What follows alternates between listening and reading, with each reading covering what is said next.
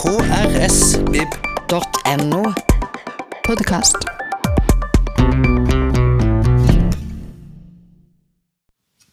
Ja, hei og velkommen til Fredagslunsj. Som dere ser, så har vi da flytta opp til andre etasje. Og det er jo for å lage litt mer stemning når dere publikum dessverre heller ikke i dag kan være hos oss. Så jeg sier som jeg har sagt før, dere er sårt savna. Men samtidig så har vi jo fått et veldig fint besøk med oss i dag. Vi har altså kommuneoverlege Dagfinn Haarr med oss her. Og vi har Mira Svartnes Thorsen med, og hun er jo altså først og fremst her i dag fordi at hun er leder av 17. 17. mai-utvalget. Men vi kommer kanskje tilbake til flere roller. Men altså som kommuneoverlege, nå fikk jeg først lyst til å spørre deg. Hva betyr egentlig etternavnet ditt, Hår? Eh, Jeg har dessverre ikke lyst til å si det, det er taushetsbelagte opplysninger. Men da jeg ansatte en med samme etternavn som hygienesykepleier for noen år siden, så var han så dum at han sjekket hva det betydde. Og det betyr altså enten myr, eller det som i den gamle boken het neseslim. Altså med godt norsk snørr. Ja, og det passer jo til en kommuneoverlege i disse dager. Eh, Men nå skal vi gå først og fremst på Vi begynner med 17. mai her. For vi har altså med oss lederen for eh, 17. mai. Jeg vil jo fort si komiteen, men det heter altså utvalg, da. Eh, du har vært i møte med Abid Raja sammen med andre i utvalget over eh, landet, tenker jeg. Var det en god arbeidsprosess? Var dere enige om vedtak? Ja, vi var enige om vedtak. Og, og vi i, i Kristiansand er jo de som har, har satt i gang den prosessen. Um, så vi må jo si oss fornøyd. Uh, vi har jo, det var jo en interessant affære å, å se pressekonferansen, fordi alt fungerte veldig bra på test. Men da vi skulle i gang, så var det ingenting som virka. Heldigvis er jo alt glemt etter en time uh, nå for tida. Ja. Men ja, vi har jobba godt. Ja, øh, og så kom altså mandag meldinga om hvordan dette skal foregå. Og si, det meste av tradisjonene er jo borte, sånn som vi kjenner det. Barnetog, Tapto, fyrverkeri Ja. Eh, Men du har allikevel sagt at dette skal bli en historisk flott dag. Hvordan skal det foregå? Ja, det, det blir en historisk dag. Det blir en 17. mai vi ikke har sett maken til på eller, Vi har jo aldri sett en sånn 17. mai. Eh, til og med under krigen så kunne man jo klemme på, på venner og naboer, og, og det kan man ikke nå. Em, men, men eh, eh, det som vi har snakka mye om i 17. mai-utvalget, eh, det er jo òg dette med hvorfor feirer vi 17. mai? Eh, og det er klart at vi kan være mye sammen alene. Vi kan være mye eh, altså vi kan være sosiale på digitale plattformer. Eh, men, men det å bruke anledninga til å reflektere hvorfor vi feirer 17. mai altså Hva er det med demokratiet vårt og grunnloven vår som er verdifullt? Eh, og det ser vi ekstra tydelig nå i eh, disse koronatider, som har blitt et veldig etablert begrep i det siste. Altså velferdsstaten vår, eh, ytringsfrihet, meningsmangfold eh, Disse tingene som vi egentlig har tatt for gitt eh, lenge, kommer nå til syne som en sånn kritisk kraft i samfunnet når vi står i krise. Og gjør at vi eh, kan fortsette livene våre uten å måtte gå på arbeid eh, hver eneste dag, sånn som mange må i USA. For hvis ikke så har de ikke penger til å spise. Eh, og det tror jeg kan gjøre at vi kommer til å huske 17. mai 2020 som en dag eh, og som en fest hvor vi fikk rom til å, å tenke og, og reflektere rundt akkurat det. Ja, du Er det lov å ta replikk? Yes. For jeg vil gjerne legge til begrepet solidaritet. For disse åtte ukene har vist oss at det norske folk kan være solidariske når det trengs. Den nasjonale dugnaden som vi alle har snakket om, den er jo gjennomført sånn at vi har kunnet gå utendørs nesten som ingenting har skjedd. Og det er fordi solidariteten stort sett har vært veldig til stede i det norske folk. Så ta det med også, da. Og det, jeg har hørt altså, mye på telefon, da, siden jeg begrenser hvem en treffer. Men replikken Jeg er så glad for at jeg bor i Norge nå. Det er en gjenganger. Så, så ah, 17. mai kan vi virkelig liksom feire det, da. Men er du enig i disse tiltakene som er blitt truffet, Dagfinn Hår? For du har jo også uttrykt at barn burde få være mer sammen. Ja, det er klart at eh, jeg har jo tillatt meg til og med i Dagbladet å si at jeg ønsker meg litt sivil ulydighet Ja, innenfor rimelighetens grenser. Og det er nettopp fordi at det åpenbart er litt spillerom når man ikke ser altfor firkantet på ting. Barn for eksempel, bør leke sammen, for de er veldig lite smittsomme. De blir veldig lite syke. Og det er antagelig sånn at de smitter sine foreldre og besteforeldre forholdsvis lite også. Eksempel. Og også 17. mai tror jeg ikke vi skal være så redde for å holde bare halvannen meters avstand til hverandre. Hvis vi ikke hoster og nyser. Altså Sjuke folk skal være innendørs og hjemme 17. mai. Men hvis vi andre da er litt forsiktige, så kan vi faktisk ikke klemme da, Mira, men vi kan faktisk oppføre oss ganske normalt. Så jeg håper jo at det er folk ute på 17. mai som holder den fornødne avstanden. Ta vare på den nasjonale dugnaden, men da kan vi også oppleve det som jeg er så veldig opptatt av, at det analoge, det å se hverandre inn i øynene, det å utveksle masse følelser og, og informasjon gjennom blikket, det kan vi ikke rømme fra. Vi kan ikke bruke skjermer til det. Og 17. mai er en fin mulighet for å vise at vi kan oppføre oss dannet, anstendig og solidarisk, og likevel ha det gøy. Ja. Og du har jo da altså dette med halvannen til to meters avstand. Korpsene er jo nå blitt invitert. Men hvor, fikk du mye entusiasme tilbake fra eh, korpsledere på at de vil inn og gjøre en dugnad i nærmest tomme da De kommer jo kanskje ikke til å være tomme gater. Men hvordan skal dette foregå med korps? Hvor skal de spille? Eh, Ja, eh, det er jo Dette er jo dette er et stort spørsmål. Eh, vi, har, eh, vi har jo fått nye retningslinjer på korpsene. At de kan ha én meter eh, imellom seg. Eh, og, og det er jo litt sånn som Dagfinn eh, Hår sier her.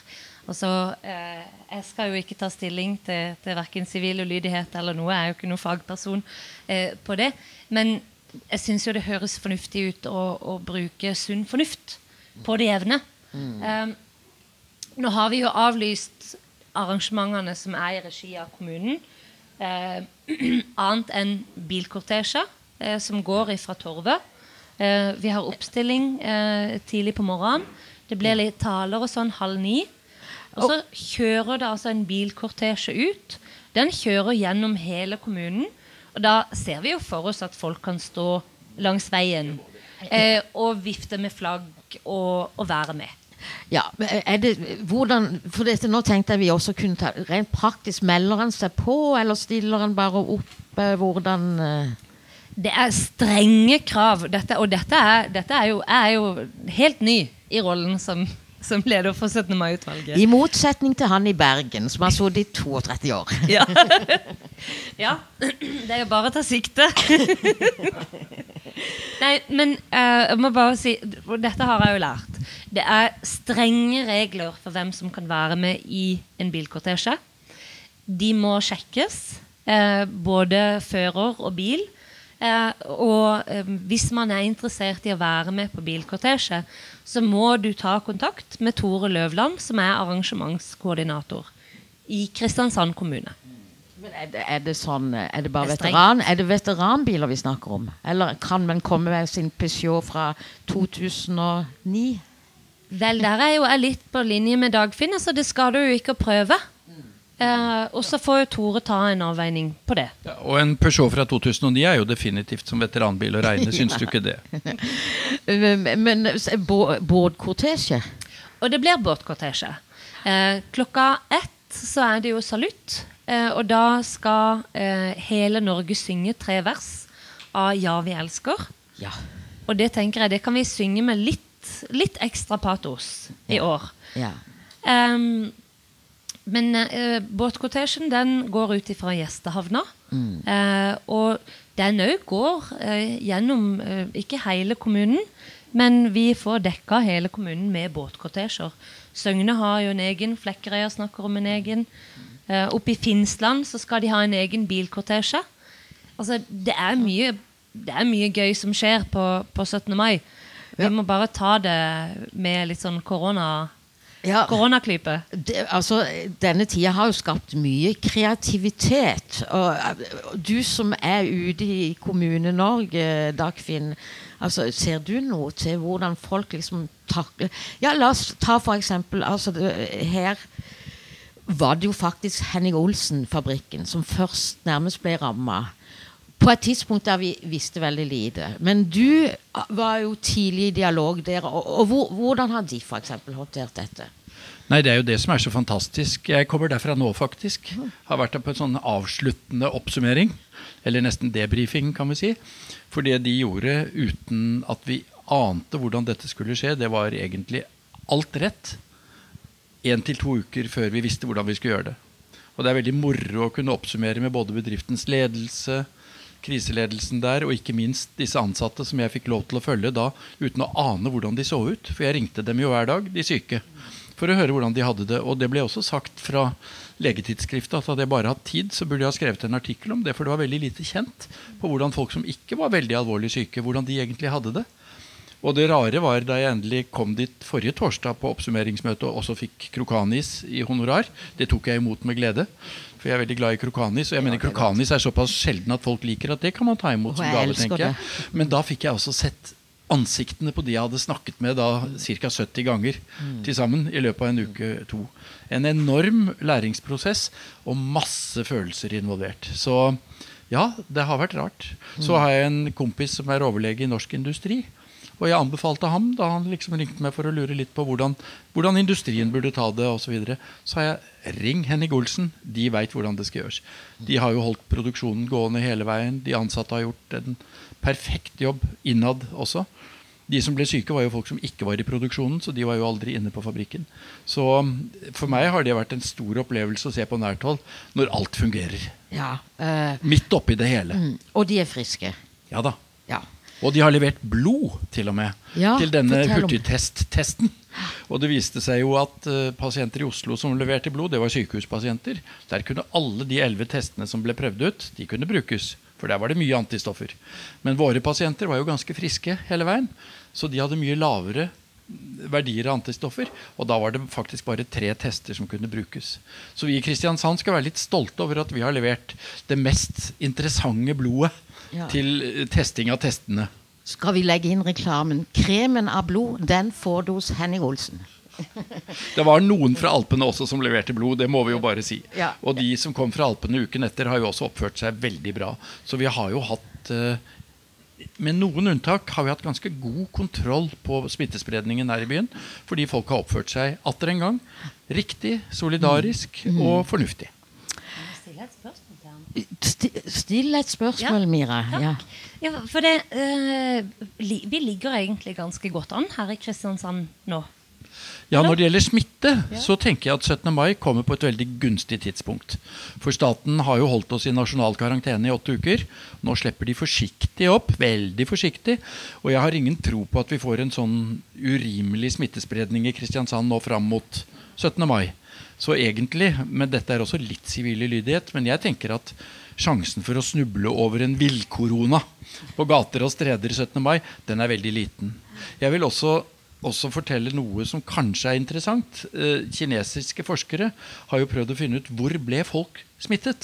Og det viste seg at 0,31% av alle de som ble smittet i Wuhan eller hvor det nå var i Kina, de ble smittet utendørs. 79% ble smittet hjemme hos seg sjæl eller i familien. Og hvis vi skal legge det til grunn i Kristiansand, hvor vi jo har veldig lite smittespredning nå, så betyr det at du skal ha utrolig uflaks hvis du kommer nærmere en meter med en som da hoster og nyser og klarer å, å gi deg en, en eh, korona. Dette egentlig bare som en oppfordring til folk at det er trygt å gå ut. altså. Og ikke ta på munnbind eller noen ting, men hold den der lille ekstra avstanden. Så går dette bra. Sier kinesiske forskere, og dem må vi jo tro på, for de har jo holdt på med dette lenge. Ja. ja, vil du spørre om en ting til? Ja, hvis jeg får lov. Nå skal jeg sitte og slappe litt av her. Eh, Men, men eh, betyr det egentlig at um, Noen har jo sagt det at munnbind er noe som kan ha en funksjon hvis man føler seg syk. Helt riktig. Men da skal man holde seg hjemme, vet du. 17. mai. Det har jeg akkurat sagt. Syke folk skal være hjemme, og det gjelder skoler, det gjelder barnehager, det gjelder arbeidsplasser. det gjelder overalt. Er du syk, så holder du deg hjemme. Så går det greit. Men ellers er det helt riktig. Dem vi bør sette munnbind på, det er de som er nødt til å gå ut, og som har luftveisplager. Eh, forebyggende bruk av munnbind hos alle oss som da går rundt og er friske, det har egentlig lite for seg. Men altså, siden du er inne på barna her, som sivil Nei. Sivil Lyd, ja, men du sa at du sjøl er en i Dagbladet. Og du mente egentlig at det var for, kanskje for at hvis vi fulgte Folkehelseinstituttet, så hadde vi ikke behøvd å stenge ned så mye av skoler. Stemmer ikke det? Det er riktig, og erfaringene fra Danmark og Island viser jo i gåseøynene at jeg hadde rett da. Jeg tror det var helt riktig av staten å stenge ned Norge Ja. 12. mars. Det har reddet oss fra en ganske guffen sak. Og det går jo særlig på de eldste eldre, som vi jo i stor grad har klart å skjerme, selv om vi altså har, da har hatt åtte dødsfall hos oss. Men etter at vi virkelig fikk skjerpet inn og skjermet dem, så har vi jo ikke hatt flere dødsfall. Sånn at eh, det var riktig. Men man kunne vært mer selektiv. For det har hele tiden vært kjent at barn og unge i liten grad er rammet av dette, og også i forholdsvis liten grad smitter folk. Men eh, la oss siden altså Fredagslandspublikummet er jo Ja, de er, de er jo godt voksne, kan vi si, stort sett. Eh, eh, dette med at eh, disse minste barna, da, altså første fjerde klasse, har begynt på skolen. Eh, for folk som da ikke, de, ikke barna sjøl, men som i hjemmet eller nære omgivelser har folk som er i risikogrupper. Bør de ikke møte sine barnebarn, barn, eh, oldebarn, holdt jeg på å si? Det var så veldig hyggelig, for dette sa jeg noe om i går eller Ja. i forgårs. eller noe sånt, For vi har jo barnebarn på Fagerholt, som er type ett og tre og seks år gamle. Og de to har jo begynt i barnehage igjen. Og vi har eh, funnet ut at den sannsynligheten som vi eller den risikoen vi løper da, ved å ha den jevnlige kontakten vi hele tiden har hatt med dem, den er så liten at vi har valgt at behovet vårt for å se barnebarna og deres behov for å se oss er mye mye større enn den lille lille ekstra risikoen vi løper. Og vi er begge i risikogruppen. Ja, eh, men det er én ting litt med alder, men, men andre underforliggende sykdommer, da, hvis man trekker inn det. Ja, Ubehandlet uh, høyt blodtrykk og diabetes ser ut til å være noe av det skumleste. Hvis vi skal begynne å bli veldig sånn medisinskfaglige. Ja. Men du vet, jeg har jo også da, det var vel i Dagbladet jeg også sa det at jeg ble så lei meg da Helsedirektoratet slang ut at det var 1,6 millioner risikanter i Norge. For da tok du rubbel og bit, altså alle over 65 og alle med kroniske sykdommer. Nå har det jo kommet, i forbindelse med åpningen av barnehager og skoler, så har det jo kommet lister bl.a. fra Barnelegeforeningen om hvilke barn som er i risikosonen. Og det er jo nesten ingen, altså. Det er folk med veldig alvorlig kreft, veldig alvorlige pusteproblemer, og folk som skal ha stamcelletransplantasjon og har hatt dette. Altså det er veldig få grupper igjen. Og blant øh, voksne så er det jo alder som er det viktigste. Er du over 80, så må du ta mer hensyn enn sånn som meg, som er 68 snart. Ja. Så det er, det, er, det er noe med å lage en slags glideskala på dette, tenker jeg. Og der hører min kone og jeg med i den moderate risikogruppen, og velger da samvær med barnebarna. Og, altså, Mira, vi må få deg inn på banen, men bare når du er på dette, så må jeg ta en ting til. For du har også nå uttrykt at du tenker kanskje man må åpne opp for de eldste som på sykehjem, at de må få treffe familien sin. Ja, du vet, rent, rent smittevernteknisk er det veldig fint å låse folk inne. Men redd etisk går ikke det an. Og særlig hvis du da tenker at halvparten av alle de som blir lagt inn på sykehjem i Kristiansand, er døde i løpet av et år, og vi skal jo holde på med denne pandemien et års tid framover, så kan du teoretisk oppleve at du blir lagt inn på sykehjem nå, og så får du ikke anledning til å møte dine pårørende på en naturlig måte på et helt år før du dør. Det går ikke an. Men dilemmaet er jo at vi har hatt veldig alvorlige utbrudd. Særlig på et av sykehjemmene Ja, våre. det jo det. Så vi må finne en balansegang. Og da har vi i kommunen nedsatt et utvalg Etikkutvalg. av hygienesykepleiere. Vi har en fantastisk gjeng med hygienesykepleiere. De har laget et veldig godt utkast til noe de mener er forsvarlig smittevern, som gjør at man kan altså, føre folk inn og litt bruk av munnbind og litt sånn forskjellig. Og det utkastet er da oversendt tjenestevei til de som eier i gåseøynene sykehjemmene våre. Og de har da nedsatt et utvalg som skal se nøye på om lar dette seg gjennomføre i praksis. Og i løpet av neste uke så vet vi om vi har en god prosedyre som vi så kan gjennomføre i alle sykehjemmene. Det jeg allerede har tatt til lyd for, er jo å ta de gamle ut. Det har jo vært så vidunderlig vær. Og det er det mange som har gjort, og det har vi fått tilbakemeldinger på at det har vært veldig vellykket. For som sagt, 0,31% i Kina ble, Ja. ble smittet utendørs. Det er så mye mer luft utendørs, vet du. Ja, Jo, men altså Det, det er en innendørs med smitte ja, på offentlige steder også i dag. For dette, det kunne jo ikke bare komme inn i familiene av ingenting. Nettopp, Det, nettopp. det er i arbeidsplasser og Ja da, ja da. Det er mange steder å bli smittet, men utendørs er nok det tryggeste. Men eh, da Ja, altså 17. mai-komiteen. Jeg vet ikke hvordan uh, du har sett for deg med hårstell og sånt til 17. mai, men jeg kan jo, det, i år så er det jo kanskje ikke så viktig å være Men man skal jo prøve å pynte seg opp til 17. mai. Er det trygt for alle å gå til frisøren og tenker uh, Skal du til frisøren, tør du det? Du- Som leder. Jeg, ja, som leder. Jeg, jeg har nok et ganske avslappa forhold til dette her, jeg også. Jeg prøver å ta eh, de forhåndsregler som måtte eh, gjelde. Eh, og, og, og prøver å unngå altfor sånn risikosituasjoner. Men jeg, jeg må bare si jeg syns det er så fint å høre når du legger ut om dette. Eh, fordi det er godt å høre at kommunen jobber såpass bra som den gjør, og eh, tenker langs såpass forskjellige eh, akser eh, som, som vi gjør. Og, og dette her med å måle både smittevern og etikk opp mot hverandre syns jeg er veldig riktig. Eh, og betryggende at kommunen gjør. Eh, tilbake til 17. mai og hår. Ja. Bare litt mer sånn lettbeint. Det er typisk oss kvinner, vet du. Vi skal snakke om håret. Nei, det, Nei, jeg bare tuller. ja, det. Nei, men, men, men jeg tenker at det går an å pense det inn på noe som er litt mer alvorlig. Ikke sant? Og det er jo at vi faktisk på et eller annet tidspunkt må begynne å bruke byen vår. det. Og folk må få anledning til å komme tilbake til jobb. Eh, vi, vi har jo igjen tilbake til dette her med demokratiet vårt. Og vi har hatt anledning til å stoppe Norge i lang tid. Eh, men, men også for oss, og da kan du jo trekke inn etikken òg. Altså folk blir syke av å gå hjemme og ikke vite og ikke kjenne på en sosial tilhørighet eller en, en tilhørighet til arbeidslivet. Um, så jeg har, jeg har tenkt meg til frisøren. Ja, Ja. altså grunn, Grunnen til at jeg spør, er jo igjen i forhold til vårt publikum. da. Er, er det trygt å gå til frisøren nå? Den er jo gjenåpna. Er det trygt? Ja, Ja. det finnes gode bransjestandarder. Ja. De har fått veldig gode smittevernsystemer på plass. Mm. Og vi forventer jo at det er friske frisører som er på jobb. De syke skal holde seg hjemme. Ja. Så, og jeg har jo jeg er medbrakt. da. Jeg har min kone som da friserer meg fra tid til annen. Og vi bor jo i samme husstand, og da er det jo lov å være tett på hverandre. Så vi klarer oss veldig godt da. Ja. Du var inne inn på dette med å sitte hjemme eh, for seg sjøl. Du er jo også gjennom firma firmaet Dirty Old Tone, altså konsertarrangør. Og du, Dag Finnhår, er jo en ivrig konsertgjenger ved det, og også synger. Dette, Jeg hadde bare lyst til å snakke litt om kultur nå, for nå sitter vi på noe som vanligvis er et kulturarrangement med fullt hus. Og det er litt dere.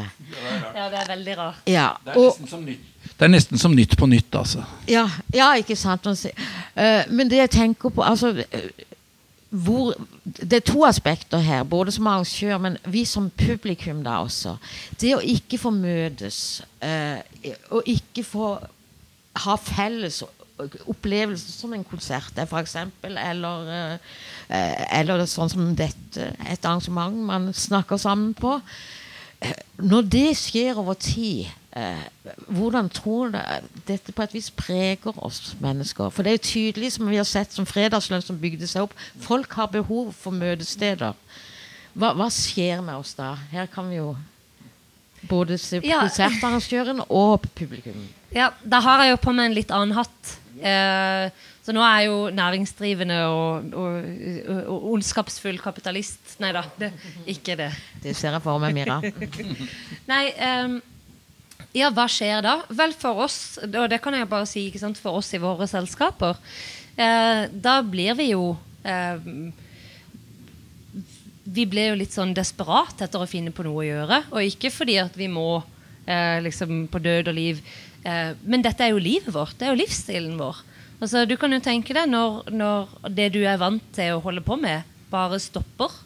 Eh, da, da, må du jo finne på noe helt annet.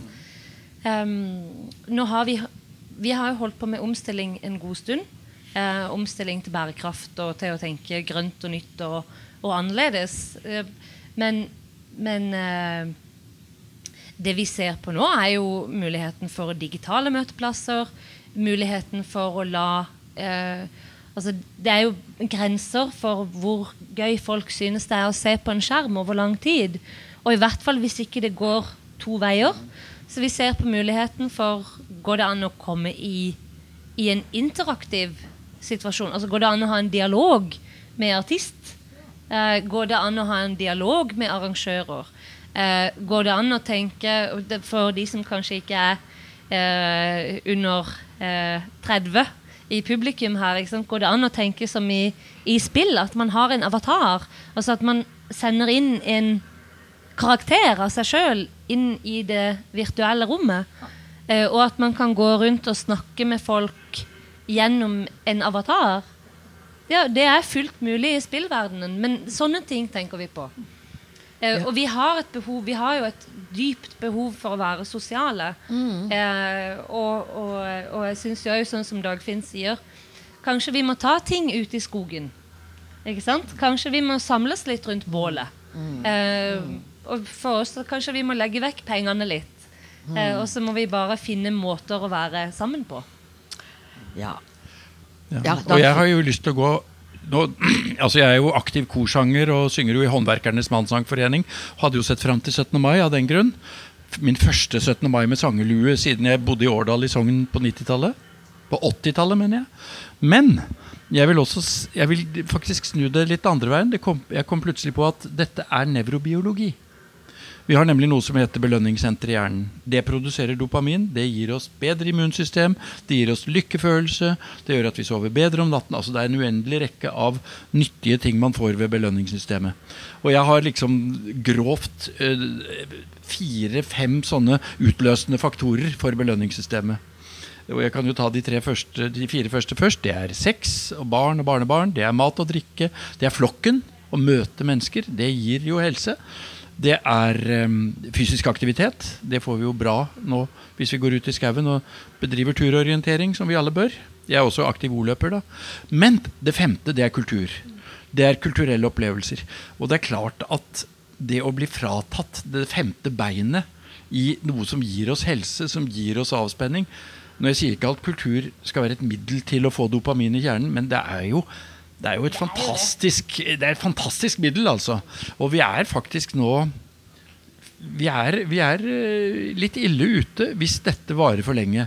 Vi mister flokken til en stor grad, og vi mister dette med det kulturelle aspektet. Det er to av fem, det. Så får vi bedrive sex og mat og fysisk aktivitet da, sammen og hver for oss. Men, men jeg som konsertgjenger savner jo Kilden intenst. Og det er fordi det har blitt en flokk av oss med de grå håret det er det som i gamle dager het um, Fiffen til Furre. Og nå er jo Furre faktisk blitt direktør på Kilden, så noen har vært profetiske der. Men, men, det er klart vi har, og dere har jo også helt klart flokker som går på vaktbua. Som er som, og det betyr veldig mye med de fjesene du kjenner også. Å kunne få oppleve noe kulturelt sammen med de fjesene, det er helt unikt. Jeg har jo vært på et par fredagskafeer her, og flere skal det bli når jeg bare får gått av med pensjon. Men min kone er veldig aktiv her, og hennes venninner. Og dette blir snakket om, vet du. Og akkurat det nettverket som alle disse tingene til sammen gjør, og som i stor grad er falt bort, det er skummelt. Så det er flott med avatarer, men vi gamlingene vi trenger rett og slett å møtes, altså. Så ja, jeg har abstinenser. Ja, skulle du ja, eh, og da tror jeg kanskje jeg bare tar på meg den andre hatten igjen. Eh, da tar jeg på meg 17. mai, 17. mai og bystyrehatten. eh, fordi Bare for å følge opp på det som Dagfinn sier, det er kjempeviktig at vi møtes og at vi kommer sammen. Eh, og vi fikk jo et vedtak i bystyret i går på at vi skal åpne opp for at næringsdrivende kan benytte seg av offentlige rom. Ikke sant? Torg, park, eh, gater, parkeringsplasser. Andre typer arenaer hvor man kan sette ut bord og stoler. Sånn som man har gjort i Vilnius for eksempel, eller i New York. At man lager rom for å være sammen med sosial distanse i sentrum av byen.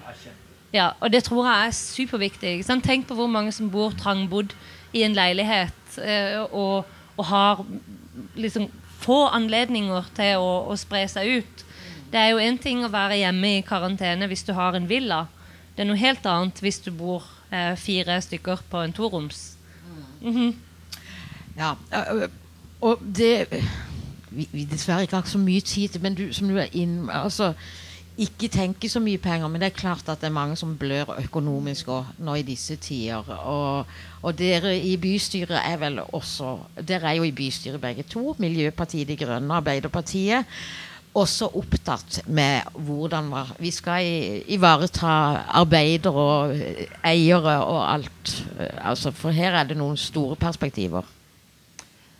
Skal jeg si litt om det? Jeg kan bare si at jeg er jo også samfunnsmedisiner og ikke bare smittevernlege.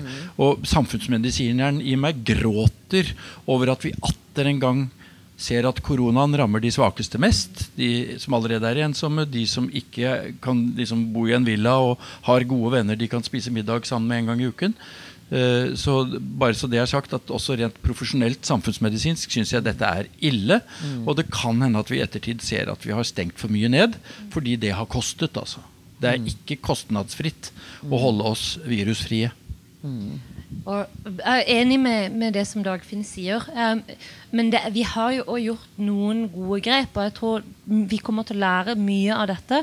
I går for eksempel, så eh, vedtok vi jo en krisepakke til næringslivet.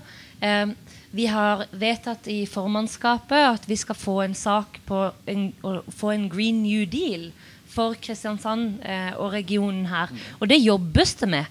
Og det betyr jo egentlig bare at man skal få en omstilling eh, til en bærekraftig eh, framtid. Hvor man tenker sosialt inkluderende og får løfta opp de fattigste. For vi kan ikke være bekjent av å ha så mye fattige mennesker eh, i vår by. Og det er alle enige om, men vi må få fart på det arbeidet. Eh, og bruke denne anledningen som korona nå også gir oss, til å, å løfte eh, de aller svakeste. Og, og, og de har jo nå også bevist veldig klart og tydelig for oss alle hvor, hvilke grupper i samfunnet som er samfunnskritiske. Og det er jo ikke eh, reklamefolk og kultur... Ah, ja, kultvik. Jo, kulturarbeidere er kritiske samfunnsfunksjoner. Ja, Virkelig, men, ja. men altså, det er jo butikkmedarbeidere og bussjåfører, og det er sykepleiere, det er renholdsarbeidere. det er de som hver eneste dag går på jobb nå. Eh, og som sørger for at vi har mat og vi har transport. Og jeg håper at det kommer en oppvask i etterkant. Eh, hvor disse menneskene krever å få betydelig høyere lønn for det de gjør. Ja, jeg så Aune Sand på Dagsnytt 18 i går ville at de skulle få flat skatt 12 Eh, Så det, der, der hadde jeg den til bystyret. Det. Nei, um, men i- sett i et miljøperspektiv, hva har det skapt denne tida? Uh, da er det Mira, Miljøpartiet De Grønne, hatten. Ja. Eh, det, har, det har skapt et eh, Det har skapt en forståelse av at store endringer er mulig. Eh, jeg syns Thomas Hylland Eriksen sa det veldig godt med at nå i denne krisa så ser vi skjelettet eh, som samfunnet vårt er bygd opp rundt. Vi ser hvilke forsyningslinjer som er kritiske, vi ser hva som ikke er kritisk. Um, og vi ser også at når myndigheter kommuniserer tydelig hva som er nødvendig av befolkninga, eh, og hva slags tiltak som er helt nødvendige, så er folk med på det. Eh, så handlingsrommet nå er større enn noensinne. Eh, hvis jeg skal si noe om hva jeg er bekymra for, så er det jo det at vi lar anledninger til å omstille til et bærekraftig samfunn glipper litt fra oss, og at vi putter altfor mye penger på å opprettholde status quo istedenfor å gjøre noen strategiske grep som kan sikre at vi har konkurransefortrinn, at vi har kraft til å, å gjennomføre store endringer også i tida framover. Jeg stiller meg tvilende til om at vi klarer to omstillinger på ti år. Og jeg satt jo også og tenkte på mine barns tremenning, Thomas Hylland Eriksen, som nå gir oss veldig mange ord. Og det gjør han jo alltid. Han snakker jo fort og gæli. Ikke gæli, han snakker veldig riktig. Og han snakker med håp, og han snakker med nysgjerrighet. Et sånn vennlig nysgjerrighet, vil jeg si. Han sier at dette kan gå riktig bra. Akkurat som du sier. Fordi vi faktisk ser at vi kan omstille oss i rasende fart når vi må. Vi kan bruke milliarder når vi må. Og så plutselig så håper jeg ikke vi er tilbake der vi var. Eh, jeg tror ikke det. For jeg tror hele verden kommer til å ha opplevd en så dramatisk omstilling at når de bare blir ferdig med å krangle altså Trump og Kina og sånt, så tror jeg man kanskje må komme til vettet. Og så må vi se at vi er one world, altså og at det betyr at vi må ta vare på denne verdenen. Det er jo morsomt å se på TV nå når revene plutselig kommer midt i sentrum av byene fordi folk ikke er der. altså Naturen gjenerobrer veldig fort det vi har fortrengt den fra. Så alt dette må vi bare ta med oss videre. Og så må vi nok jobbe både systematisk og langsiktig med dette, og det blir din jobb. Jeg skal pensjonere meg og bare nyte fruktene av et langt liv i, i, sta, i, kommunens tjeneste. Men, men, men, det er fryktelig spennende å være med nå. Jeg har jo barnebarn som jeg tror faktisk etter disse åtte ukene som vi har vært oppe nå, kanskje kan se en litt lysere framtid i møte enn det vi kanskje trodde før. Det er lov å håpe, og jeg syns vi skal høre godt på Thomas Yland Eriksen. Fordi han, han, han balanserer dette så flott, syns jeg. Så har jeg også en fornemmelse av at det stort sett over landet da er slik at eh, barnefamilier har fått vært mer sammen. Altså Foreldre og barn har sett my mye mer til hverandre. Det gjør vel også godt for, uh, ja, for, for familielivet. Uh, og så har vi altså 1. mai. Nå har vi jo en Arbeiderpartimann her. Altså det, siden krigens altså Det er 210 år siden 1. Eh, mai ble innstifta som arbeidernes dag. Uh, og det har gått hvert tog hvert år, men ikke under krigen. Og sånn er det jo nå også. Men man kan, skal dere signere dere opp på digitaltog i morgen? Nå, på 1. mai?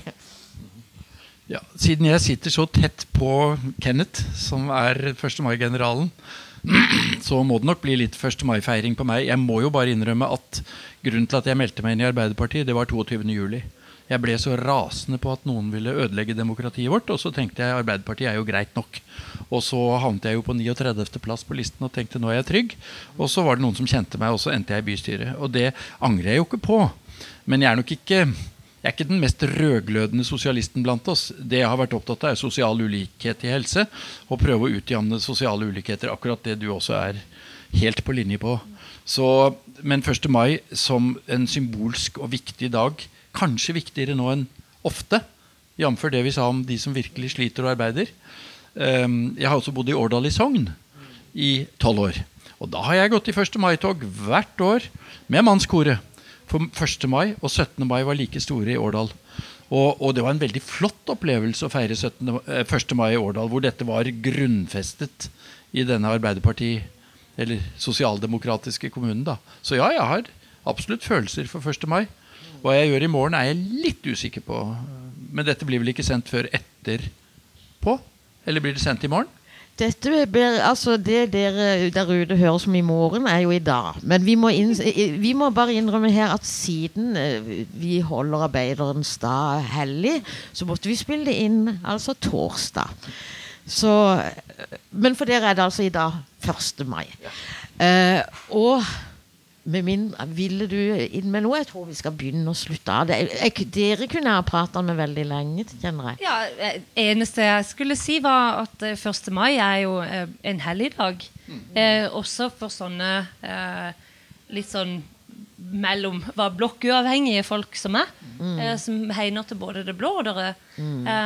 og jeg tenker igjen, hvis vi tenker på den krisa vi er i, Altså jeg tenker Trepartssamarbeidet mm. og, og maktfordelinga mellom, mellom, de forskjellige instansene i arbeidslivet i, i Norge er jo òg noe av det som er grunnen til at vi sitter så eh, lite kritisk i det som vi gjør. Selv om det er ille nok.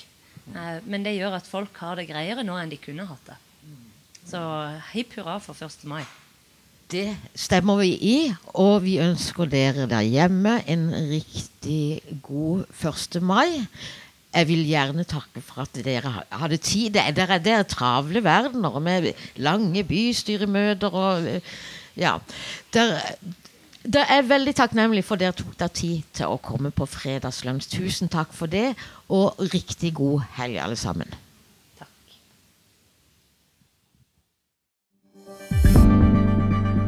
Flere podkaster fra oss finner du på Google Podkast, Apple Podkast eller iTunes, eller ved å stikke innom vår hjemmeside på krsbib.no.